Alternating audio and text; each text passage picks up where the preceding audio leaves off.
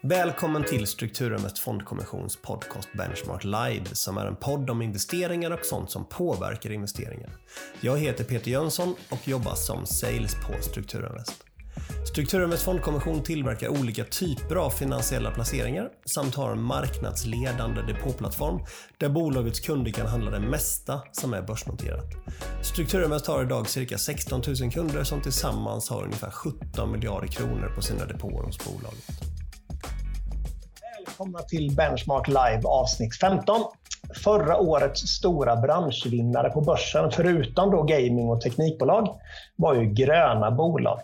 Eh, det vill säga bolag som hjälper världen att ställa om sitt energibehov till fossilfritt eh, har kanske aldrig varit så heta som det är nu. Och en viktig pusselbit för att lyckas med den omställningen är investeringar i förnyelsebar energi. Och med oss idag har vi faktiskt en mycket intressant person som jobbar för ett mycket intressant bolag, nämligen Peter Zackrisson som då är VD på Stena Renewable. Eh, välkommen till Benchmark Live. Tack, tack Peter. Har ni snö i Göteborg också? Nej, tyvärr. Jag slaskade. Eh, ja. Den försvann häromdagen, tyvärr. Ja, det är tråkigt. Men hoppas allting är väl, i alla fall med dig och din familj i dessa tider. Eh, innan vi går in och pratar om Stena Renewable och eh, förnyelsebar energi överlag så tänkte jag att du kan väl berätta lite mer om din bakgrund och vad som fick dig in på förnyelsebar energi och vad du gjort tidigare och lite sådär. Ja, absolut. Eh, grund och botten eh, ingenjör, civilingenjör. Eh, läste i Stockholm, eh, flyttade tillbaka till Göteborg. Jag är göteborgare i grunden. Då. Det hör man eh, nästan. Jag har svårt att dölja den dialekten. eh, jobbade lite som konsult på, på Volvo Cars. Det ska man ju göra som göteborgare. Testa det någon gång. Eh, och sen 2002 så började jag på Stena Dactum som är Stena-sfärens eh, investmentbolag. Just det. Eh, och de har bland annat gjort investeringar i Ballingslöv, Midsona, Blomsterlandet, Embak med flera. Eh, då. Eh, och det tyckte jag passade mig väldigt bra. Jag, tycker, eh, jag är ingenjör, men jag gillar ju ekonomin och jag tycker det är kul med, med investeringar. Så att det var ett väldigt spännande tid. Eh, och eh, började där och sen så småningom så blev det allt mer då ehm, eh, att vi sökte oss mot eh, förnybara investeringar och, och så sen 2006 kan man säga har jag på med det. Ja, okay. Och när jag eh, hörde ordet renewable i ett bolagsnamn så tänker jag på vattenkraft, och vindkraft och solkraft och allting sånt. Och kan du berätta lite mer om just Stena Renewable? Eh, jobbar ni med alla de som jag precis nämnde eller är det någon speciell del som ni endast jobbar med? Ja, när vi startade Stena Renewable, eller när vi startade Stena Daktum så letade vi egentligen investeringar med, och vi använde de här megatrenderna då som vi noterade framför oss. Eh, och vi vill investera långsiktigt och hitta nya bolag. Eh, några av de trenderna som vi noterade var att vi kommer behöva investeras väldigt mycket i vårt elsystem, för det är föråldrat. Det är ett gammalt kraftsystem. Okay. Det tyckte vi lät intressant. Och, och, och, sen var det ju helt naturligt att det skulle vara hållbart också för att det kunde vi också se att, att det där kommer bli eh, en, stark drivkraft framöver. Då. Och sen måste det vara kostnadseffektivt för vi måste hålla konkurrensen med resten av världen i den globaliserade världen som växte fram där i början av 2000-talet. Eh, där blev ju förnybar energi, eh, det, det, det, var ju klockrent och vi tittade på väldigt många olika eh, typer av eh, energislag. Eh, och det, det blev vindkraft och det blev vindkraft i Sverige. Eh, men vi har tittat på eh, pellets i Kanada, i Ryssland, vi har tittat på etanol i Brasilien, biodiesel i Brasilien, etanol i, i eh, USA och solkraft, vindkraft helt globalt. Jättespännande har det varit, men det blir det, i takt med att vi lär oss mer om vind, i takt med att vi tycker att det är en intressant eh, ett, ett intressant område att investera i så har det också blivit att vi har fokuserat allt mer på det. Så för närvarande är det bara vind, men vi håller ögonen öppna och, och hela tiden är naturligtvis intresserade av andra teknologier framöver. Just det, och, och är, det låter som att eh, ni hör till Stena-sfären. Som sagt, eh, liksom är Stena Renewable ett eget bolag eller ägs det av Adactum? Stena Renewable är ett eget bolag som Eh, ägs av Stena Dactum och, och har gjort det eh, till 100 fram till 2018.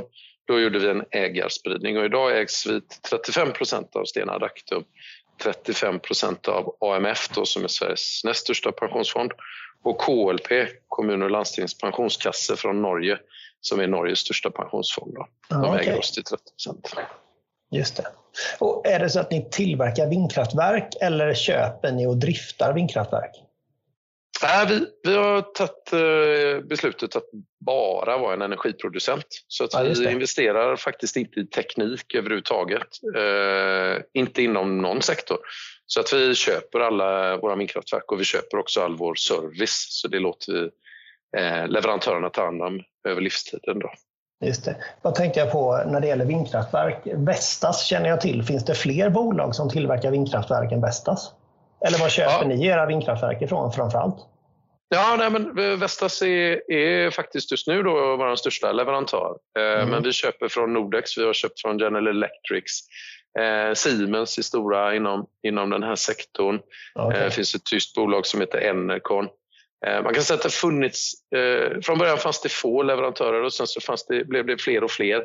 Eh, Det finns väldigt många kinesiska leverantörer och de sista åren så har det väl pågått en konsolidering i branschen där det är allt fler som slår ihop eh, och det blir färre och färre leverantörer. Då. Just det. Söker lite stordriftsfördelar och sådär gissar jag på. Precis, precis. Eh, Hur stora är ni egentligen? Liksom, vad omsätter ni och är ni, är ni vinstdrivande? Ja, ja, men, och det är väl viktigt att påpeka att vi gör ju allt detta utifrån ett kommersiellt syfte. Sen är det väldigt, väldigt trevligt att få göra bra saker också. Mm. Men det är ju ingen greenwashing utan ägarna förväntar sig en god avkastning på det här. Eh, 2019 så omsatte vi ungefär 300 miljoner och på det gjorde vi en, en vinst på lite drygt 65 miljoner före skatt. Eh, och i år 2020, eller då, ja, 2020 blir Mm. ett sämre år för att eh, energipriserna har blivit Eh, Eh, det har varit väldigt problematiskt med mycket vatten i elsystemet, den varmaste vintern genom, eh, som vi någonsin har haft eh, och sen corona uppe på det som gjorde att vi fick eh, sänkt efterfrågan på, på el och, och skakat om elmarknaden en del. Så att vi har haft väldigt låga elpriser i år och det påverkar naturligtvis vår intjäning. Vi är inte riktigt klara med 2020 års eh, resultat. Det blir svarta siffror men, men eh, inte så som vi förväntade oss. Nej, just det. Hur stor del av eh, svensk energikonsumtion kommer från förnyelsebar energi? Eh, ungefär eh, ja, l- l- under 60-65 procent kommer från förnybar energi eh, och då räknar jag vattenkraft och, och vindkraft dit. Eh, Ja, just det. Och vattenkraft är störst gissar jag på. Exakt, vattenkraft Mm. är väl ungefär lite 40 procent av, av eh, vår energikonsumtion och vindkraften är ungefär 20 procent av vår energikonsumtion. Då. Just det. Är, det, är det ett, vad sa du, 65 procent eller vad sa du? Ja, jag skulle säga Ja. att och det, det vet vi inte riktigt än hur siffrorna ser ut för i år, men, men typiskt så, så producerar, eh, står vattenkraften för 45 procent av Sveriges el, elkonsumtion och vindkraften är nu uppe i 20 procent. Just det. Och är det, om man jämför med andra europeiska länder, liksom, ligger vi bra till i den statistiken eller ligger vi på de sista platserna?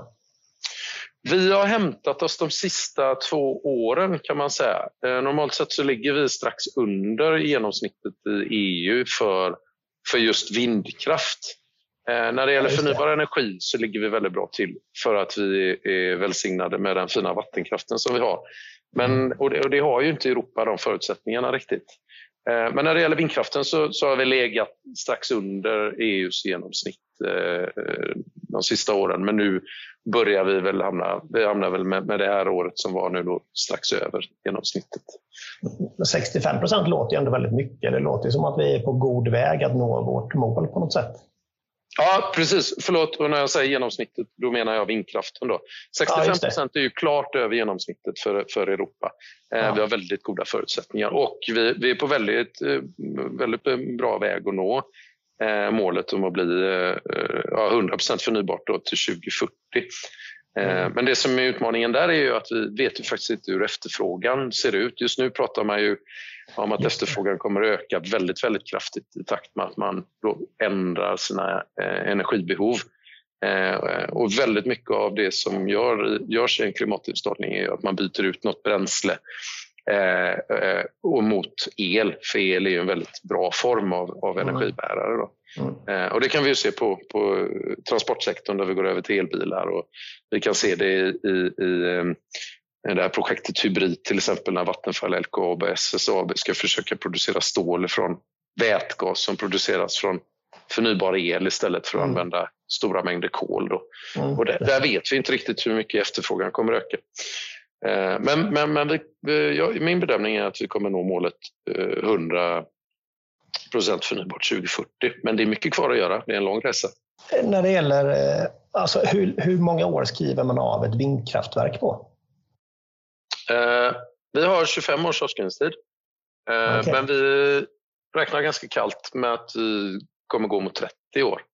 Okay. Eh, I takt med att eh, vindkraftverken, eh, i, i takt med att marknaden mognar så lär vi oss så mycket om den så att vi får längre och längre teknisk livslängd på den. Så att det räknar man teknisk livslängd på 30 år idag. Men den, den, ekonomiska livslängden har vi 25 år än så länge, så får vi se mm. vad som händer.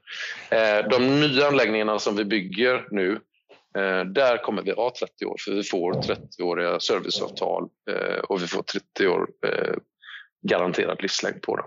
Ah, okay. min gissning är att vi kommer gå ännu längre framöver. Vad, vad, kostar ett vindkraftverk? Om man pratar, sen finns det väl olika storlekar tänker jag, men liksom ett, ett, eh, er vanligaste storlek? Eh, idag, den vanligaste storleken vi bygger nu, den ligger på mellan 50 till 60 miljoner. Eh, då kan man väl säga att 50 miljoner det, det, är den senaste tekniken, 60 miljoner det är den allra, allra senaste tekniken. Okay. Och vad är, det beror på elpriset såklart, men avkastningen liksom på en sån investering om man räknar på totalt kapital. Vad, om man kan prata procent eller vad man kan prata där.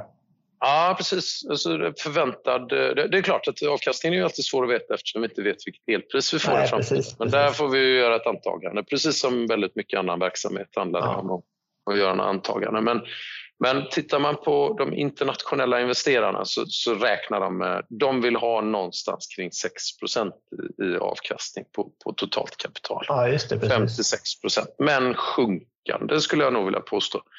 Eh, det går ju att belåna det där och så får de en hygglig, hygglig avkastning på det egna kapitalet. Då. Det har ju kommit rätt mycket det här med gröna obligationer och sånt nu på sistone. Eh, är det någonting när ni lånar pengar till, eh, för det första, hur stor belåning kan man ha i ett kraftverk och får man lägre ränta då om det är ett grönt projekt? Ja, eh, vår belåningsgrad ligger runt 40 procent eh, och då har vi väl något lägre än vad man, vad man liksom historiskt sett har i branschen. Men det är också en, en försiktighetsåtgärd. Eh, vi vill inte ha för hög belåning. Eh, det, det, finns de som går med högre belåning. Då. Mm. Eh, det, det, det, är intressant med de gröna obligationerna. Vi har ju pratat med, med ja, bankvärlden och finansvärlden om detta länge och vi har alltid ställt frågan när, när får vi en, en rabatt för att vi är gröna? Mm. För det måste ju ändå finnas ett intresse. Det, det, jag har faktiskt inte sett det tidigare. så. Men nu så ser vi det väldigt tydligt faktiskt att vi, vi får bättre villkor. Eh, nu gör vi inte, vi ställer inte ut några egna obligationer utan vi lånar via eh, ja, traditionell bank. Eh, men de i sin tur lånar ju upp och gör ju gröna obligationer och får, får lägre mm. kostnader för sin funding. Så att, och det påverkar våra marginaler också. Så att vi ser faktiskt att kostnaden för, för vår belåning har sjunkit över tid och vi tror att det kommer fortsätta. Alltså intresset av att låna ut pengar till den här sektorn är ju väldigt starkt. Mm, det tror jag också liksom hela processen, hur, hur går den till? Jag gissar att någonstans så börjar man med att mäta vindhastighet på olika ställen i ert liksom område. Stämmer det? Och sen, vad, vad tar det vägen sen? Ja, eh, det kan man säga. Vi byggde ganska tidigt en modell i takt med att vi har fått mer och mer datakraft. Det låter ju som, som vi är 100 år gamla, men, men någonstans där kring 2005 så började vi få eh, tillgång till, till mycket kartmaterial digitalt i någonting som heter GIS. Då.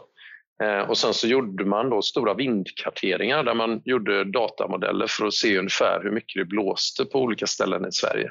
Mm. Eh, och med hjälp av den, med den karteringen då, så kunde vi bygga datamodeller där vi lägger eh, kartmaterial. Vi behöver veta var försvaret har sina intressen, var flygplatser ligger, eh, var bostäder ligger. Vi kan inte bygga närmare än kanske en kilometer till närmsta bostad nu. Eh, samhällen, andra överliggande intressen, nationalparker, eh, naturintressen och så vidare.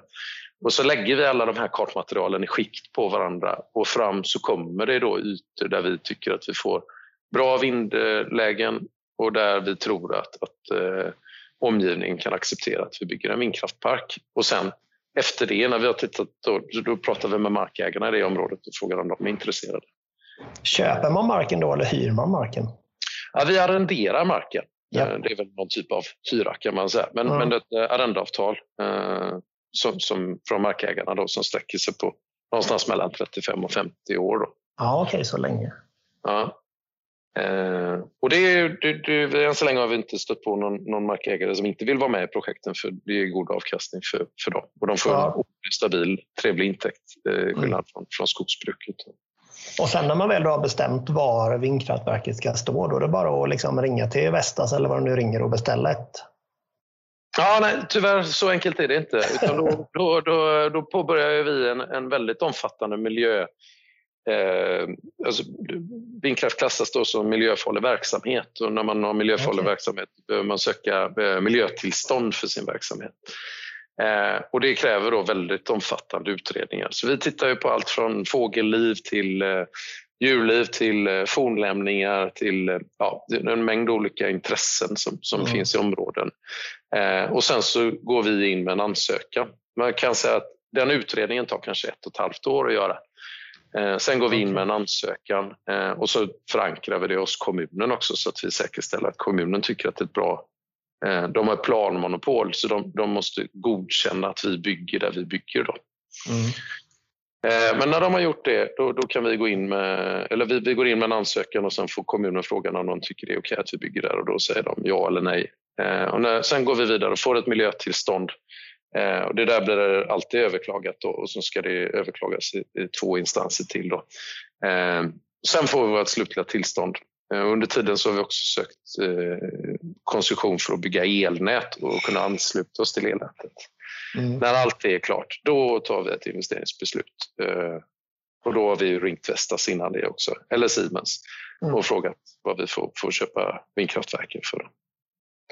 Och liksom hela processen från att ni börjar titta på kartan till att det börjar genereras el ifrån ett kraftverk. Hur, hur många år är det ungefär? Eh, med dagens lagstiftning, alltså, så som snabbast så har vi gjort det på, på ungefär tre år. Eh, Men sen ändrade man i lagstiftningen. Eh, och, och det gjorde man faktiskt i syfte att snabba upp allting, men det blev precis tvärtom. Så att idag så kanske vi som bäst kan göra det på fem års tid. Okej. Men vi har också projekt där vi eh, hållit på. Det kommer ta 14 år från att vi började till att vi är klara. Oj, ja det är länge. Ja, det är, det, är väldigt, det är väldigt länge. Så man blir snabbt gammal i den här branschen. Så Så medan ska vi nå då det här 100% målet till 2040, det är bara 20 år kvar. Eller 19 år kvar. Eh, och så tar ett projekt liksom mellan 5 och 10 år låter det som. Mm. Det, man måste börja rätt fort om man ska ha dem färdiga om 20 år. Ja, nej, men det, och det, det är väl där vi liksom ser 20 år låter som en evighetslång tid. Eh, och det är väl där jag tycker att liksom, politiker har varit väldigt bra på att sätta upp tjusiga mål långt bort Mm. i tiden. Men de är väldigt dåliga på att sätta upp delmål och fundera på vad som behöver göras för att nå de målen. Mm. Och det var väl som någon sa att ett mål utan en plan är bara en dröm. Mm. Eh, och lite grann är vi där idag. Vi, vi, det, det som är vårt största, absolut största eh, bekymmer just nu är ju, är bristen på elnätsanslutningar och bristen på, på ett starkt kraftnät. Eh, både då, eh, svenska kraftnät eh, men också regionnäten. Där det krävs stora investeringar och där har man väldigt långa processer. Där har man 10 till 15 år från, från idé till att man har byggt klart en ledning. Då. Eh, och det är klart, ska de ta 10 till 15 år på sig, då har vi inte så många år kvar innan vi måste liksom komma för, för att nå 2040-målet. Då. Eh, och det man säger att, att för att nå 2040-målet så kanske vi behöver fyr till femdubbla vindkraften och kanske ännu mer mot Mm. vad vi har idag. Så att vi, det, det, ja, det, det, är en utmaning. Jag tror att det går att göra men det, det krävs att vi alla hjälps åt och att politikerna faktiskt tar lite tuffa beslut och funderar kring vår miljölagstiftning och hur den ska se ut. Då. Mm. Vad tänkte jag på? Du nämnde det här med Svenska kraftnät och grejer. Jag är ju helt eh, okunnig gällande den här branschen. Eh, Mm. Jag har gått på reklamen från Vattenfall en gång i tiden att det bara är två hål i väggen. Mm. Men det kanske det inte är. Hur, liksom, eh, du sa att det är där egentligen problemet ligger, att det är svårt att uh, ha tillräckliga elnät egentligen. Var liksom, vem, vem äger elnäten? Jag trodde det var kraftbolagen som gjorde det, men det kanske det inte är. Ja, nej, men det, det, först får jag säga den här reklamen, den, den var väldigt, den har satt sig. Eh, och det, det upplever vi som ett stort problem för att folk vill ju gärna ha el men ingen vill ha, ha elproduktion nära sig. Ja, eh, lite så är det, eh, för det kommer ju bara ur väggen. Så det är väldigt lätt att säga att någon annan ska göra det någon annanstans. Då. Eh, men, men för att ta elnäten, hur det är uppbyggt, så har vi ett, ett så kallat stamnät som går då från norr till söder där vi då tar eh, vattenkraften från söder och kärnkraften då från våra kärnkraftverk och sen så sprider man det eh, via ett stamnät ut till regionnäten. Och regionnäten de ägs typiskt av eh, man kan säga att vi har tre stora regionnätsägare. Det är Vattenfall och det är E.ON eh, och det är Ellevio som är tidigare gamla Fortum då, ja. Eh, som, äger, som har monopol på elnätet i, i regioner. Då. Eh, och sen så kopplar de på sig på stadsnäten eh, och distributionsnäten. Då, som, som i Stockholm så har man eh, något nät och i Göteborg har man något nät och det är oftast då mer lokala elnätsbolag som har det. Då. Kanske kommunägt eller liknande. Då. Okej, och de, de bygger inte ut tillräckligt fort eller vad är problemet där? Eh, liksom...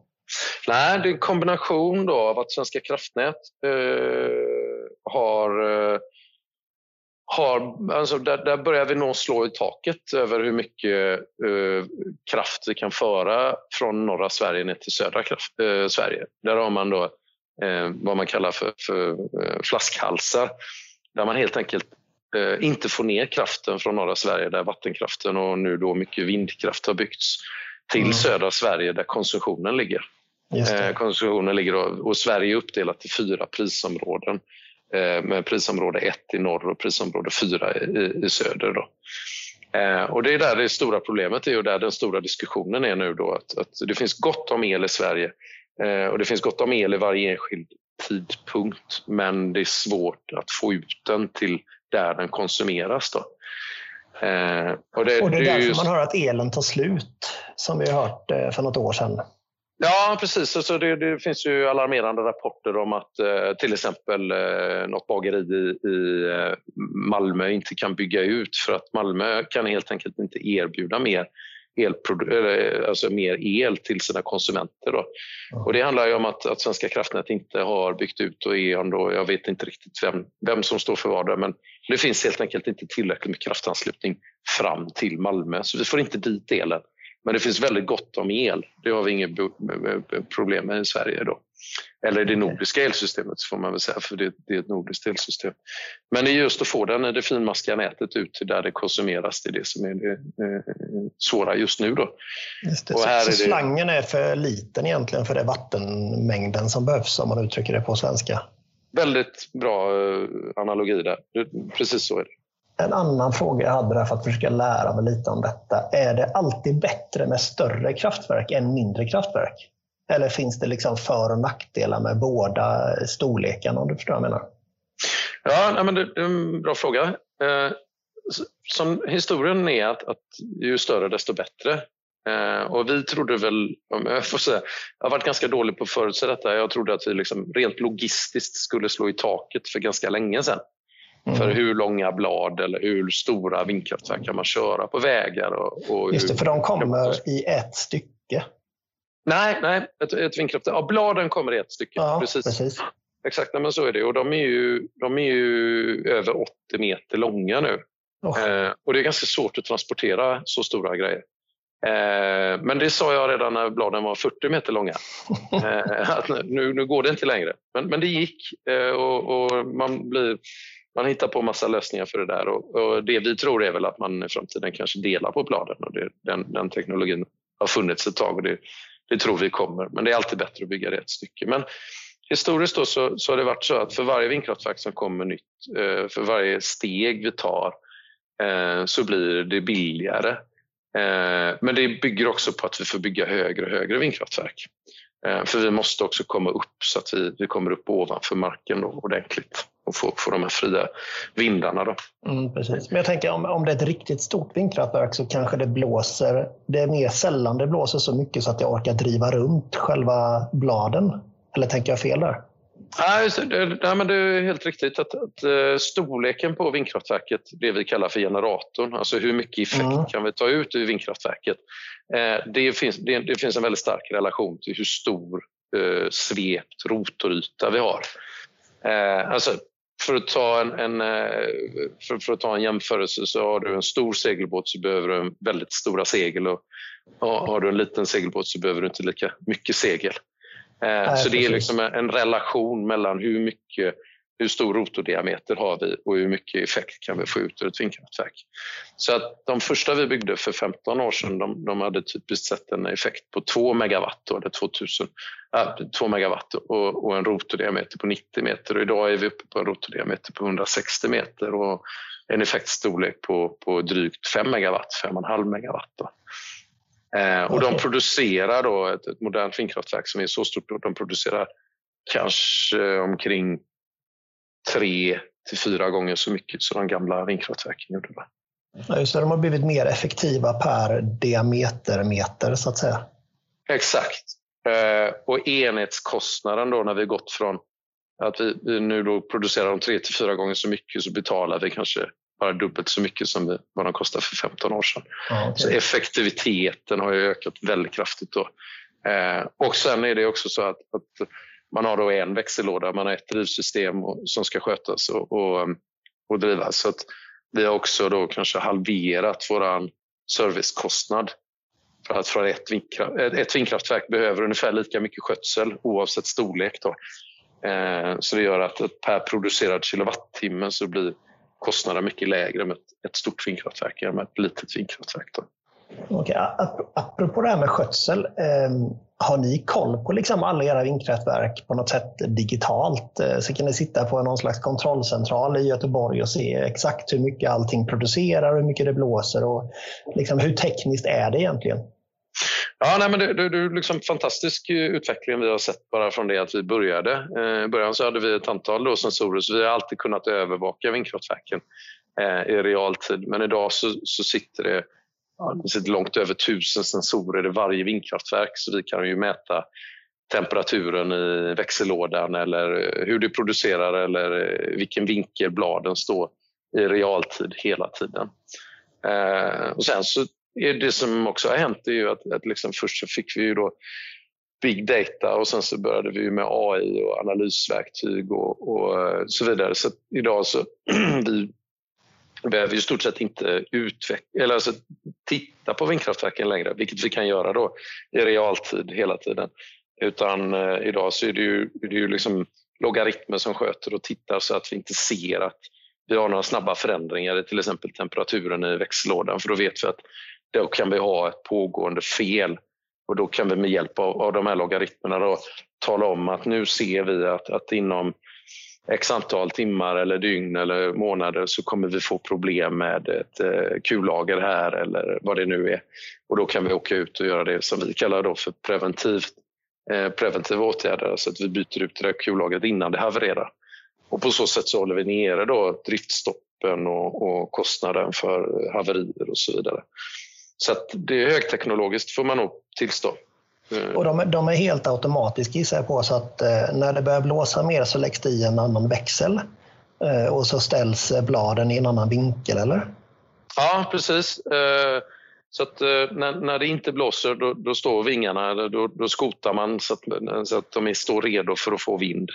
Eh, sen börjar de producera någonstans mellan 2 och 3 meter per sekund. Hur mycket är det för någon som inte känner till vindhastigheter? Är det ja, blåsigt då eller är det liksom lätt bris? Ja, det är, det, det är 2-3 meter per sekund och då ska man komma ihåg det. Det är ju uppe i navhöjd då, som kanske är 120 meter upp i luften där det alltid mm. blåser mer än vad det gör på mm. marken. Så att eh, man kan säga att vindkraftverket börjar producera när du inte uppfattar att det blåser på marken i stort sett. Okay. 2-3 meter per sekund upplever du, upplever du som vindstilla i stort sett på, på marknivå. Då. Mm. Eh, och sen så, så ökar då eh, eh produktionen i vindkraftverket upp till 12 meter per sekund ungefär. 11 till 12 meter per sekund. Då når man maxeffekt. Eh, Eh, sen så, så producerar det inte mer för att det blåser mer. Eh, utan när man har nått maxeffekt då börjar man sen så, släppa vind förbi vingarna. Så att då, då når man maxeffekt och sen så ligger det på maxeffekt upp till, till 25 till 30 meter per sekund. Eh, sen så stänger det av då på grund av eh, då, då, kan det gå ner i produktion av når över 30 meter per sekund ihållande. Okay. Så kommer det tillbaks.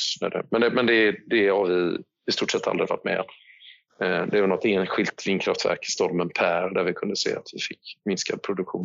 Ja, Okej, okay. ja, det är så sällan. Mm. För ibland så ser man ju ändå vindkraftverk som står stilla. Är det för att de är trasiga eller är det för att det blåser för lite då? Ja, typiskt sett de vindkraftverken som vi ser, det är oftast de som står efter vägar. Eller, ja, precis. Och, och, det är ju typiskt sett väldigt gamla vindkraftverk, ganska små vindkraftverk. Dagens okay. vindkraftverk, de stora vindkraftverken, de står, de står oftast inne i skogen där man, ja, du ser dem väldigt sällan. Men visst, vindkraftverk står stilla. Eh, när det gäller de här mindre, äldre vindkraftverken så handlar det väldigt ofta om att de har produktionsstopp, att de har gått sönder och det tar lite tid att fixa servrarna där. Mm. Eh, alternativt att det helt enkelt är vindstilla för de kräver lite mer vind, de här mindre vindkraftverken. Eh, då eftersom de står närmare backen helt enkelt. När man tittar på, på våra vindkraftverk, eller typ modernt vindkraftverk, så, så producerar det energi ungefär 98 procent av årets 8760 timmar. Då. Eh, och då är 1 procent får man ta bort för det, det, är ungefär det det tar att serva ett vindkraftverk varje år. Och sen så står det stilla ungefär 1 procent eh, av tiden på grund av oförutsedda fel då när det är någonting som gör att verket stoppar innan man kan ut och åtgärda felet då, eller åtgärda felet eh, från, från en driftcentral. Då. Det är rätt häftigt ändå, alltså 98 procent eh, jämför med Alltså ett vanligt traditionellt säg, brunkolsverk eller någonting där man måste fylla på med ny, ny kol hela tiden. De har väl säkert kanske uppåt en 98 procent också, men det måste ju tillföras någonting för att det ska bli någonting utav det. Ett vindkraftverk bara står ju och bara genererar och genererar och genererar, vilket är otroligt häftigt. Ja, det, och det, det, det som jag tycker är väldigt spännande med den här investeringen. Det, den är väldigt kapitalintensiv och vi lägger upp ja, pengar på bordet för dag ett. Men sen har vi ju extremt låga kostnader. Eh, så om man tittar på driftskostnader totalt sett med, med underhåll och, och kostnader till, för arrende och allting så, så ligger vi ju liksom under 10 öre kilowattimmen idag. Vad, jag som inte kan elpriser, jag bara betalar räkningen. Vad, ligger, vad, får, liksom en, vad får man betalt för en kilowattimme? Som elproducent? Eh, ja, men de sista åren så är det väl liksom, om man tar en, en längre horisont, det är väldigt eh, volatila priser i, mm. i, det svenska elsystemet för vi har väldigt mycket vatten och ibland producerar de mycket och ibland producerar de mindre och då blir elpriset högre. Mm. Eh, men man kan väl säga att genomsnittspriset över, per år de sista 15-20 eh, åren ligger någonstans mellan 30-40 öre kilowattimmen och sen har man enskilda år som är lägre och enskilda år som är högre. Då. Mm. Men någonstans där. Då skulle den volatiliteten i elpriset minska om det var mer vindkraft? Nej, den kommer öka faktiskt. Eh, så vi ser väl med ju mer förnybar kraft vi tar in i systemet eh, så kommer vi få mer fluktuerande priser. Volatiliteten ökar. Mm. Vi kommer få se timmar med höga priser och vi kommer få se timmar med väldigt låga priser när det blåser bra. Eh, men och generellt sett så får vi ett ett eh, elpris som är lägre i genomsnitt men det kommer variera mer över, över dygnet och det kommer variera mer över säsong. Eh, och Det kommer också leda till att vi som konsument kanske tänker lite annorlunda. Eh, det har man ju pratat om länge, men att, att liksom när du får väldigt höga elpriser en kall februari, när det kanske blåser lite mindre, ja men då kanske du passar på att köra diskmaskinen eller tvättmaskinen på natten istället för på dagen. Eh, eller du laddar elbilen på natten. Så att du flyttar också din konsumtion lite grann. Eh, mm. Tyvärr då, så, så där har man ju pratat om länge men det har vi inte sett än. Eh, och det handlar ju väldigt mycket om att, att skatten är så oerhört hög eh, och elnätskostnaden är också väldigt hög. Din elräkning så, så består bara elen för kanske 25-30 procent av kostnaden. Mm. Vilket gör att prissignalerna har ganska svårt för att komma fram till slutkonsument och därför så bryr vi oss inte så mycket om det kostar 40 eller 30 eller 50 öre kilowattimmen för det blir ingen stor kostnad för oss ändå. Men, men på sikt kanske vi, vi, vi kan... Och, och det, det har elnätet väldigt stor nytta av om vi kan flytta vår konsumtion på ett smart sätt och det är väldigt enkelt idag med, med, med den teknologin vi har. Precis, om man tar då värsta scenariot att vi har 100% vatten, vind och solkraft eh, och så är det en lugn natt, en varm och torr sommar. Kan det då produceras nog med el i Sverige eller måste vi då köpa el utomlands ifrån? Ja, nej, man, man, har ju försökt göra simuleringar av det där och det är ju väldigt svårt att veta hur, hur ser ett elsystem ut när vi har 100 och, och vad är konsumtionen och så vidare. Eh, en, en, varm, torr sommar, då är det, är det i stort sett inga problem. Då, då löser vi allt i kraftproduktionen. Eh, för då har vi ganska låg last. Eh, den största mm. utmaningen vi har det är den där kalla februari. en klar kall februaridag. Eh, industrin går på, på fullt, för fullt och, och vi har ett ihängande högtryck som ligger över hela Sverige eller Norden där vi får eh, låg elproduktion från vindkraften. Eh, då, då har man gjort, och det Svenska kraftnät har gjort analyser av det här och man pratar om att man kanske behöver importera el någonstans kring 40 minuter per år eller något liknande. Oj, det var inte mycket. Nej, med, med, med, men, men det är ju det är väldigt massa antagande det där. Ja, så är det ju. Eh, men, och det går, ja, men vi har 20 år på oss att lösa det problemet också. Eh, alltså kan vi eh, konsumera elen smartare på, på något annat sätt och så vidare. Så att, eh, jag ser, vi har, ett sånt fantastiskt elsystem i Sverige och i Norden, för det ska man komma ihåg, vi har inget svenskt elsystem utan det är helt hopkopplat med det nordiska elsystemet. Där vi har då väldigt mycket vattenkraft i Sverige och framförallt Norge som nästan har 100% av sin elproduktion från, från vattenkraft. Mm. Som skapar eh, enormt fina förutsättningar för att kunna lasta på med, med väldigt mycket förnybar kraft. Då. Eh, Stena Renewable omsätter som du sa ungefär 300 miljoner 2019. Eh, vad har ni liksom för tillväxtplaner? Eller är tanken att bli störst i Norden på vindkraft eller, vindkraft, eller liksom vad, hur ser ni framtiden?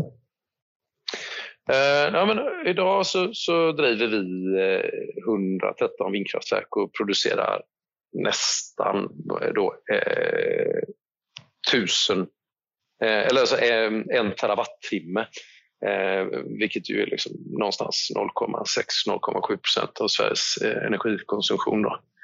Eh, men vi, vi bygger också ungefär 90 eh, vindkraftverk som kommer producera 1,2 eh, terawattimmar.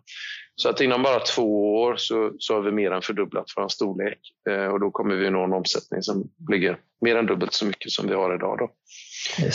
Och sen är våra målsättning att bygga ungefär motsvarande en, en halv terawattimme per år eh, framöver. Och det ger en omsättningsökning på ungefär 200 miljoner per år eh, i runda slängar beroende på elpriset. Så det kommer att växa väldigt mycket de kommande fem åren? Ja, det kommer vi göra. Vi, vi kommer mer än fördubblas på bara de kommande två åren. Så det är jättespännande. Och det beror och det... på investeringar som gjordes då för fem till tio år sedan? Exakt. Det här är då en, en projektportfölj som vi bygger med projekt som vi började utveckla redan 2008, vissa av de här projekten. Eh, så att, eh, ja, nej, men det tar tid och sen helt plötsligt händer det och, och, och, så får vi chansen att, att bygga. Och vi, vi jobbar ju aktivt med att liksom bygga upp vår projektportfölj och ja, hitta markägare som är intresserade av att prata med oss och, och så vidare så att vi hela tiden kan förse och, och bygga nytt då, eh, och skapa mer kassaflöde och helt enkelt fortsätta investera i den här takten. Då. Precis. Är det lättare att driva ett bolag när ni blir större? Ja, det vill jag påstå. På något sätt så är det så. Vi blir, mer, vi blir allmänt kända. Vi, kommunpolitiker känner till oss. Eh, lokalpolitiker, alltså vi, vi eh, markägare. Vi, vi, får ett namn kring oss. Vi har ju haft en fantastisk fördel av att heta Stena för det är ett hyggligt känt varumärke. Mm, eh, men, eh, men ja, det finns fördelar och sen så om inte annat så får vi också stordriftsfördelar för att det krävs inte så mycket mer resurser att, att uh, övervaka två terawattimmar produktion istället för en terawattimme produktion. Så att resursmässigt så, så, behöver vi inte växa så mycket heller. Då. Men det är rätt häftigt att vara VD för ett bolag som vi vet kommer dubbla sin omsättning de kommande två åren och som blir lättare att hantera år, år efter år. Ju större ja, ja. Det, Du har en drömjobb kan jag säga. ja, vi, vi, har väl våra bekymmer vi med. Jo, jo. Men eh, visst, vi har ju kämpat 15 år för att komma till den här positionen ja, också. Exakt, exakt. Men, och, och, vi ser ju sådana enorma framtidsmöjligheter, tillväxtmöjligheter. Vi ser ju att det finns väldigt mycket kvar att göra. Så att, äh, men det är en jättespännande eh, tid framöver. Nu har jag nog bara en fråga kvar. Det är väl den jobbigaste frågan. Eh, för när man pratar med en del människor runt om så är det många som säger nej men vindkraftverk är inte lönsamt utan de statliga subventionerna. Ungefär som att då staten bekostar er eh, framgång om man uttrycker det så. Mm. Nu, den är jobbig beroende på svaret egentligen. Ja, just det. du får gärna förklara hur det där ligger till. Om det är så att vi medborgare bekostar eh, Stena Renewables framgång. Ja, just det. Nej, men, och det, det gör jag jättegärna. Jag tycker det är en jättespännande fråga och det är ju någonting som vi ofta möts av. Eh, och det, det, får man väl säga att det står ju rätt ofta i debattartiklar att utan alla subventioner så skulle det aldrig hända. och sånt där. Eh, jag skulle säga att ingenting kan vara mer fel. Eh, det finns en, en, eh, en, subvention kan man säga eh, som, som tidigare har gett oss en del intäkter det kallas elcertifikat. Då. Så för varje eh, megawattimme som vi producerar så får vi ett elcertifikat som vi sen säljer till elhandlare eh, som i sin tur då måste redovisa de här i relation till hur mycket el de har sålt till dig som slutkund. Eh, och då tar ju de naturligtvis lägger på en peng för det här på din elräkning. Mm. Eh, och I genomsnitt så har den kostnaden varit någonstans 2 öre per kilowattimme brukar man prata om, en, en till två öre per kilowattimme då, eh, för dig som slutkund. Då. Men då ska man också komma ihåg att vi har ju också byggt väldigt mycket vindkraft. Eh, vilket ju har ökat utbudet på elen i Sverige, vilket har sänkt elpriset med mer än de här två öre per kilowattimme. Mm. Så summa summarum så kan man säga att de här subventionerna då, de har ju varit väldigt för, förmånliga för eh, slutkunden. Så att hittills så har slutkunden bara tjänat på att vi har fått eh, mer vindkraft i systemet. Och då ska man också komma ihåg att 30% av vår energikonsumtion den går till eh, energi, stora energikonsumenter, eh, vår industri då, som inte betalar de här eh, elcertifikaten. Så de har ju gjort bara en jättevinst på det här. Så att, eh, det har skapat väldigt goda förutsättningar för svensk industri att vara konkurrenskraftig. Att vi har lyckats få fram mer el som är väldigt billig. Då. Eh, tittar man på elcertifikatssystemet så som det ser ut idag då, så ger det oss eh, ungefär ett halvt öre per kilowattimme och dig som slutkonsument så, så tror jag det kostar någonstans 0,1 öre per kilowattimme eh, i relation till din slutliga elräkning som kanske ligger på 1 krona och 50 öre kilowattimmen med elnät och elskatter och energiskatter och allting. Så att jag vill påstå att vi, vi får inga subventioner idag. Det kändes ju faktiskt väldigt skönt att ha klargjort den frågan en gång för alla nu. Eh, faktiskt. Så man slipper höra de här som är emot allting som är nytt egentligen. Det är väl det det handlar om, gissar jag på. Exakt. exakt. Nej, den, den, kan vi glömma. Och det ska man också komma ihåg att det är ju inte en subvention som har gått till vindkraften utan den har gått till all förnybar eh, kraft. Eh, som jag brukar säga, att det finns ingen kraft som inte någon gång har varit subventionerad. Vattenkraften var kraftigt subventionerad när den byggdes ut, kärnkraften lika så. Eh, alla har fått sina subventioner. Eh, vindkraften har fått nog väldigt lite subventioner i relation till eh, hur mycket som har byggts ut. Man ska också komma ihåg att de här subventionerna är till för att vi ska få en bättre framtid tillsammans. Precis. Det får man liksom inte glömma heller i ekvationen på något sätt. Att vi ska Nej. slippa ha smog i våra till och med små städer i Sverige.